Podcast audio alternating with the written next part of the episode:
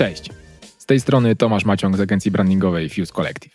To jest podcast Creative Sparks, w którym rozmawiam z ciekawymi ludźmi ze świata agencji marketingowych, kreatywnych i strategicznych oraz dzielę się swoimi doświadczeniami związanymi z rozwojem i budowaniem agencji.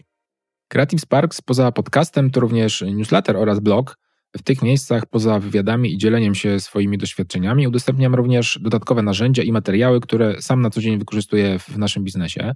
Całkiem niedawno na blogu pojawiła się osobna zakładka, która zbiera je wszystkie w jednym miejscu pod adresem creativesparks.pl łamane przez narzędzia. Możesz tam znaleźć m.in. szablon umowy ramowej z przeniesieniem praw autorskich, który był urodzinowym bonusem do 17 odcinka podcastu. Jest też przewodnik dla kreatywnych po content marketingu, w którym krok po kroku pokazałem, jak doszliśmy do około 200 zapytań rocznie od klientów właśnie dzięki postawieniu na content marketing i SEO. Ale jest też na przykład kalkulator bazowej stawki godzinowej, który pomoże wyliczyć poniżej jakiej stawki nie powinno się schodzić podczas współpracy z klientami. Sam podcast jest dostępny na wszystkich platformach, czyli na Spotify, w Apple Podcast, ale też na YouTube. Także zachęcam do subskrypcji tam, gdzie na co dzień słuchasz podcastów. Ten odcinek jest w trochę innym formacie niż pozostałe wywiady. Przy okazji nagrywania podsumowania roku w Fuse Collective wpadłem na pomysł, że chętnie zajrzałbym do innych agencji, żeby zobaczyć, co u nich słychać. Zależało mi, żeby zaprosić różne osoby, które podzielą się swoją osobistą refleksją na temat minionego roku. Ten odcinek zawiera jedną rozmowę, ale jest częścią serii wywiadów. Pozostałe znajdziesz na wszystkich platformach podcastowych oraz pod adresem creativesparks.pl łamane przez 018. Jest tam dostępny również jeden dłuższy podcast, który zawiera wszystkie wywiady. Wszystkie rozmowy miały ten sam scenariusz. Zależało mi, żeby poznać najlepsze momenty w minionym roku, te, które wywołały najwięcej pozytywnych emocji i były najbardziej budujące, oraz te trudniejsze sytuacje, które przekładały się no, na bardziej negatywne emocje i na stres. Byłem też ciekawy, jak agencje radzą sobie w pandemii, a szczególnie jak wygląda model pracy i tu chyba wszyscy przyznali, że no nie są fanami pracy zdalnej. Rozmawialiśmy też o kwestiach biznesowych, o tym, jak wpływa na nie pandemia oraz jak ten rok wyglądał w porównaniu do lat poprzednich. Znalazło się też miejsce na takie bardziej osobiste refleksje o byciu właścicielem biznesu, trochę o stresie, trochę ambicji. I to były bardzo fajne rozmowy, które przekonały mnie, że warto się bardziej otworzyć i podzielić się też swoimi refleksjami. Szczególnie, że ten ostatni rok był dla mnie dość trudny z różnych powodów, ale o tym mówię więcej na samym końcu w podsumowaniu roku Fuse Collective. Wszystkie rozmowy kończyliśmy też pozytywną nutą, rozmawiając o tym, co będzie ekscytujące w nadchodzącym roku.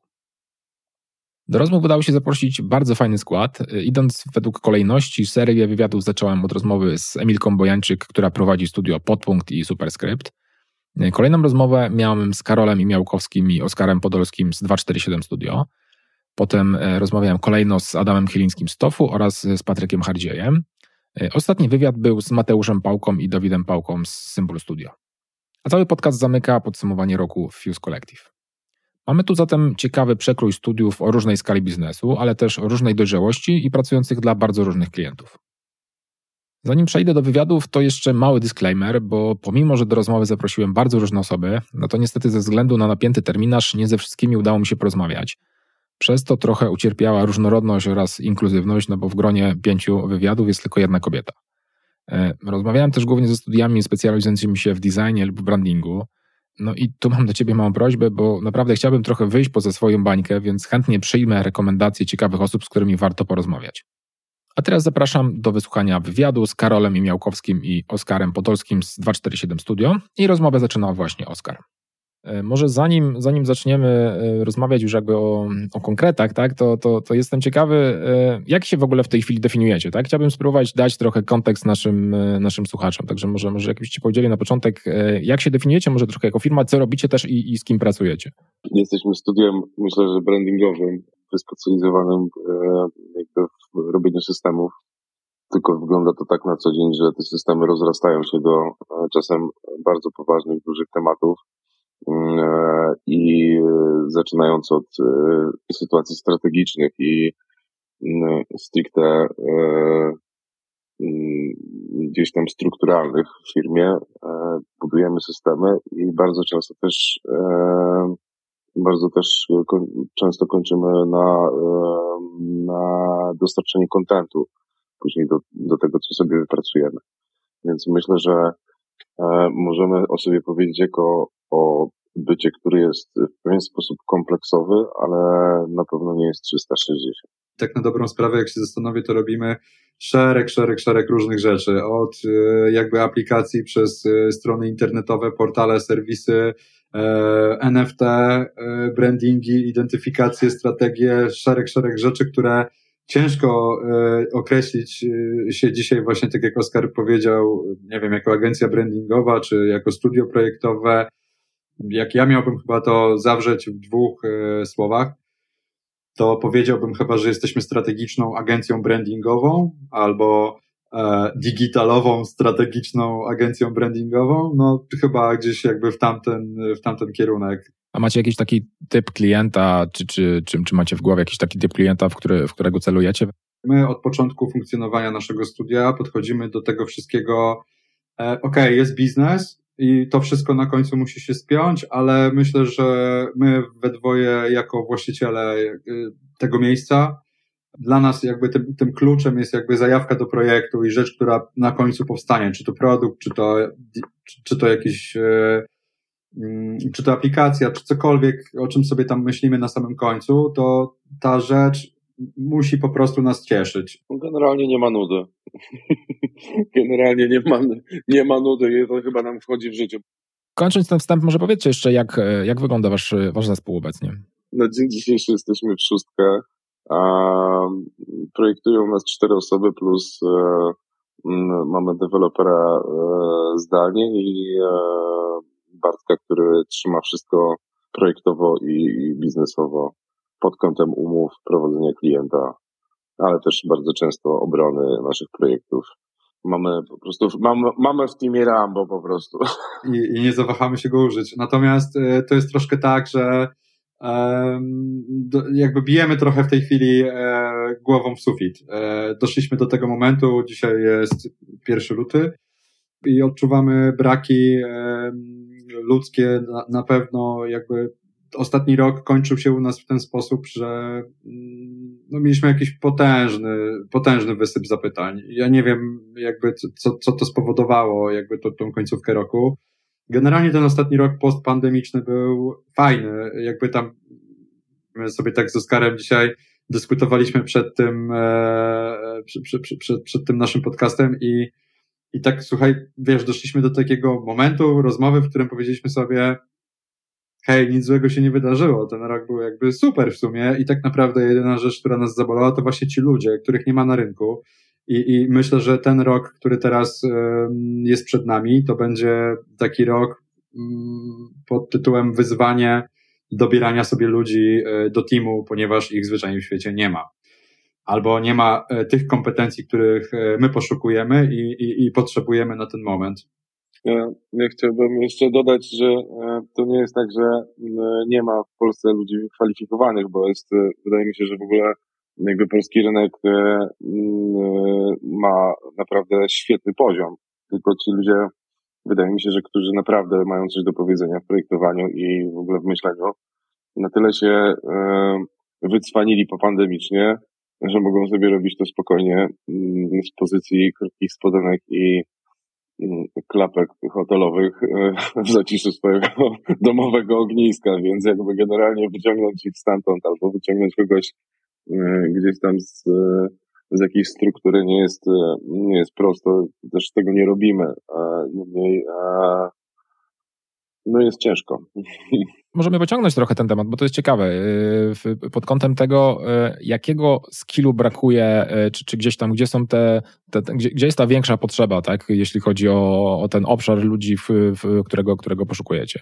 Ja myślę, że największym problemem jest to, że są ludzie, którzy mają skille, są ludzie, którzy pokazują fajne rzeczy. Myślę, że mm, brakuje nam e, ludzi, którzy przychodzą do firmy i bardzo szybko potrafią się zaadoptować do środowiska, które funkcjonuje już na miejscu. I, i myślę, że ja to zauważyłem na, w perspektywie ostatnich kilku lat, że ludzie, którzy przychodzą i mają e, złapać jakby nasz workflow, e, nasz proces, e, jakby ogarnąć to, jak my pracujemy, przyjąć tempo, w którym pracujemy też, bo ta adaptacja myślę jest największym problemem.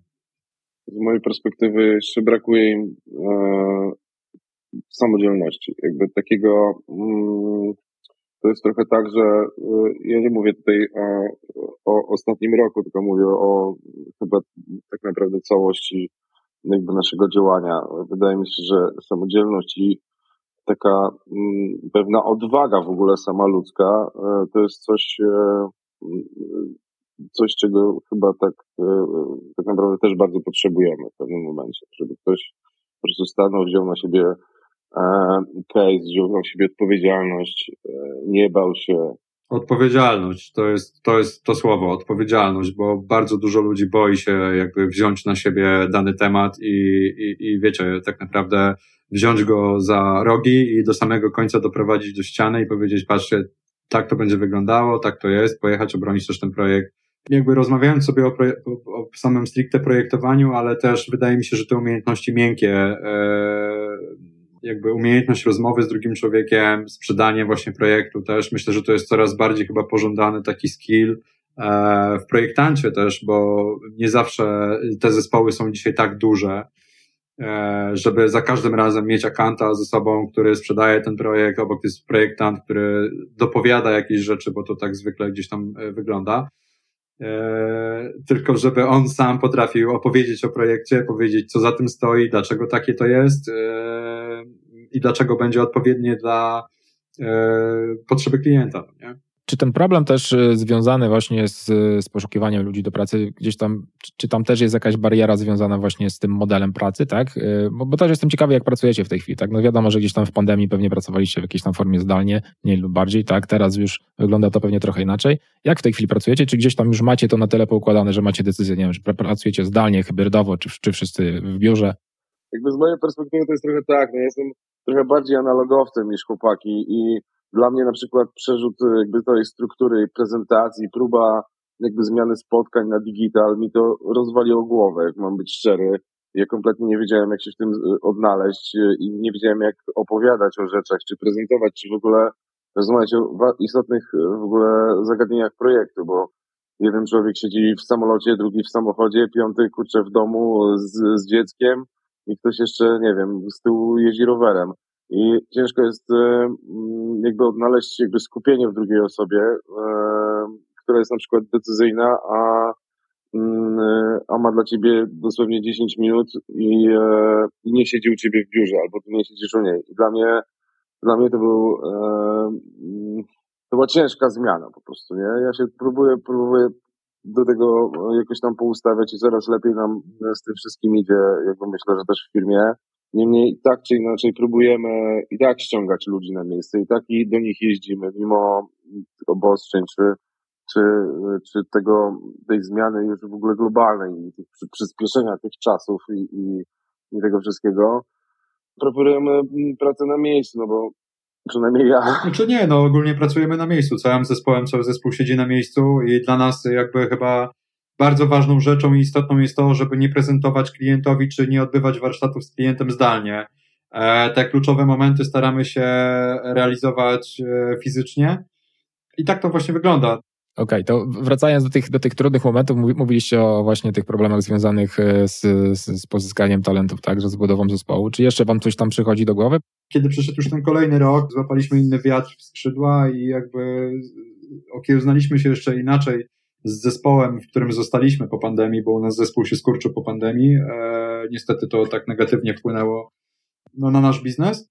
E, i ten ostatni rok naprawdę był ekstra, zwłaszcza jego końcówka, ten ostatni kwartał jakby pokazał, że, że dużo się dzieje na rynku, bardzo dużo rzeczy nam się pokontraktowało już na kolejny rok i e, no i patrzymy tylko w tej fajnej, patrzymy na tą fajną perspektywę, a nie na tą złą i ja chciałbym, żeby tak było cały czas i żebym nie musiał właśnie wspominać jakichś przykrych e, historii, no nie? Jedna rzecz, na którą ja mógłbym chyba ponarzekać, to E, na ilość wyplutych case studies, na które zawsze mamy, e, z którymi zawsze mamy problem, bo, bo to jest tak, że jakby kończymy robotę jakąś i przychodzi już kolejna, kolejna, kolejna, następna i jakby jesteś w ciągłym pędzie, a chciałbyś to zrobić dobrze, chciałbyś wyprodukować zdjęcia do tego, chciałbyś to wszystko jakoś ładnie poukładać, a nigdy na to nie ma czasu. I wisi u nas tych case'ów tyle, które e, są do publikacji, a nie, ma, a nie ma na to po prostu czasu. No i to jest taka jedyna rzecz, na którą mógłbym powiedzieć, tak, to jest taki dołek z zeszłego roku, nie? że dużo zrobiliśmy, a mało pokazaliśmy. To przejdźmy płynnie w takim razie do tych, do tych dobrych momentów, tak? Jakie momenty budowały u Was właśnie ten rok tak bardzo pozytywnie, tak? Że, że możecie o nim powiedzieć, że on był tak, tak dobry, też porównując go tego poprzedniego? Myślę, że ilość i ciekawość zapytań, które się wydarzyły i tematów, które zrealizowaliśmy w zeszłym roku, albo dalej je realizujemy i one jakby kończą się jakby dalszą taką długofalową współpracą, co jest z naszej perspektywy fajne. E, myślę też, że moment taki to też powiększenie się naszego zespołu w zeszłym roku o jedną właśnie osobę dodatkową e, z kompetencjami takimi e, bardziej stricte pod motion, co też jakby w czym my też upatrujemy jakby bardzo fajną gałąź rozwoju dla nas. Myślę, że to są takie rzeczy, mm, o których w tej chwili nie powiemy, ale myślę, że bardzo dużo rzeczy ogłosimy w przyszłym roku. Współprac z wieloma różnymi e, markami dużymi w skali jakby e, naszego kraju. I to są takie chyba najciekawsze momenty z życia biznesu, że tak sobie to nazwę. To, co mnie ucieszyło w zeszłym roku, oprócz tego, co powiedział przed sekundą Karol, to jest, e, to jest taka stabilizacja. W sensie ja poczułem się w zeszłym roku bezpiecznie pod kątem e, projektowym, pod kątem finansowym, pod kątem e, e, też naszej, e, myślę, że energii wewnątrz studia. Z każdym rokiem jest jeszcze bardziej jak w domu, no nie? więc to, to był to, to było dla mnie ważne. A tak y, patrząc na ten rok stricte biznesowo, tak, no mówicie, że, mówicie, że on był lepszy, y, ale jestem ciekawy tak relatywnie do tych, do tych lat poprzednich, tak, no biorąc pod uwagę nawet takie, wiesz, stricte, stricte y, biznesowe rzeczy, typu, wiem, przychody, zyski, tak, relatywnie to było dużo lepiej. Wiesz co, jeśli chodzi o, o, o takie stricte cyferki, e, ja myślę, że to jest jakby jeśli miałbym to tak złapać sobie z głowy i tak jak sobie o tym wszystkim w tej chwili myślę, e, to to jest przyrost rzędu 20-30% w stosunku do tego, co się wydarzyło w pandemii. E, zapytań z zeszłego roku, które zeszły do nas, e, było chyba w okolicach 300-350 zapytań z roku. I to są rzeczy stricte organiczne takie, nie? Gdzie my nie wykonujemy jakby pół ruchu palcem, a te rzeczy same przychodzą. Oczywiście jest jakby duży przesiew i jest bardzo dużo też takich zapytań nietrafionych. Mieliśmy taki moment, y, w którym nie mogliśmy się opędzić od y, zapytań stricte o strony internetowe, bo w pewnym momencie po prostu za dużo ich robiliśmy i wydawaliśmy po prostu za, za dużo takich projektów. Bo jestem ciekawy też, co was ekscytuje w tym przyszłym, roku, tak? Powiedzieliście, że macie już jakieś, jakieś tematy e, ciekawe za, zakontraktowane, tak? E, nie wiem, czy możecie o nich jakoś tam dużo powiedzieć, ale może, może, może jest coś takiego, czy jakaś taka myśl przewodnia, tak? Coś, co, co, co, co was jara bardzo z tego, co się w tym przyszłym roku wydarzy. Myślę, że e, tematem ekscytującym dosyć jest temat NFT, do którego nie możemy, nie możemy za bardzo go zdradzić jeszcze póki co, ale to jest temat, w którym są, będą dwa ogromne brandy i, e, i brand kliencki i brand, z którym e, będziemy e, współpracowali przy tym. To mnie ekscytuje, ponieważ jak ja usłyszałem pierwszy raz, mieliśmy kola z, z tą grupą, która jest odpowiedzialna za to wszystko, to ja przez, przez, przez dwa dni w zasadzie yy, miałem poczucie tego, że, że jestem jakimś jamochłonem po prostu kompletnie. Ja nie wiedziałem, co się w ogóle wyprawia i, i, i tak, jak, tak jakbym pierwszy raz za, zapakował tornister z kredkami i poszedł do szkoły, no nie? I nie wiedząc nic kompletnie o życiu, zadzwoniłem do Karola i mówię, kurde stary, fuck, co się dzieje, nie? Tam jest jakiś inny świat, wszystko wyprawia, ja nic o tym nie wiem, a jestem już duży, dlaczego tak jest? I tak dalej. Więc jakby to był dla mnie trochę szok, e, w którym już troszeczkę inaczej się myślę czuję i myślę, że też wspólnie się czujemy. I myślę, że to mnie dosyć mocno ekscytuje, e, jak podejść do tego, bo mamy tam e, szereg zadań do wykonania, Myślę, że ekscytuje mnie dosyć mocno też współpraca przy innym kliencie z Artstaneo na przykład, nie?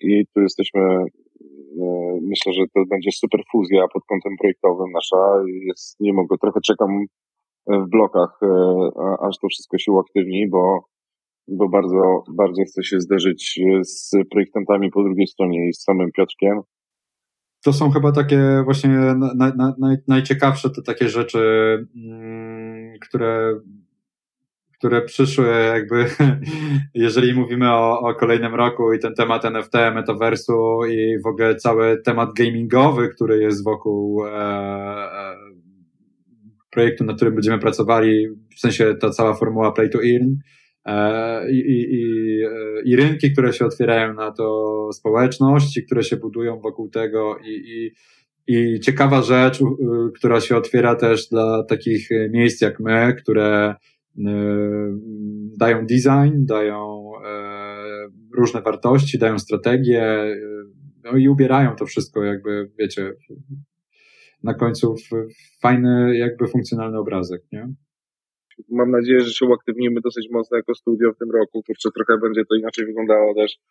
Eee, mamy sporo planów. Jeżeli jeżeli one nawet w 50% wejdą, to ja jestem podekscytowany tym też. Widać, że nie ma nudy. Myślę, e, myślę że, że za, mogę Wam życzyć realizacji tych wszystkich planów i też jestem ciekawy właśnie, co się, co się urodzi z tego wszystkiego, bo akurat te właśnie tematy NFT, ogólnie bitcoinów i, i E, I ten, ten cały świat to jest też coś, co, co zacząłem poznawać trochę bardziej właśnie słuchając różnych podcastów, bo poczułem właśnie, że, że brakuje mi bardzo mocno wiedzy. Poza tym wkręciłem się gdzieś tam w takie tematy, że wiem, że może to się kiedyś przydać, a zawsze gdzieś tam starałem się być na, na bieżąco z technologią.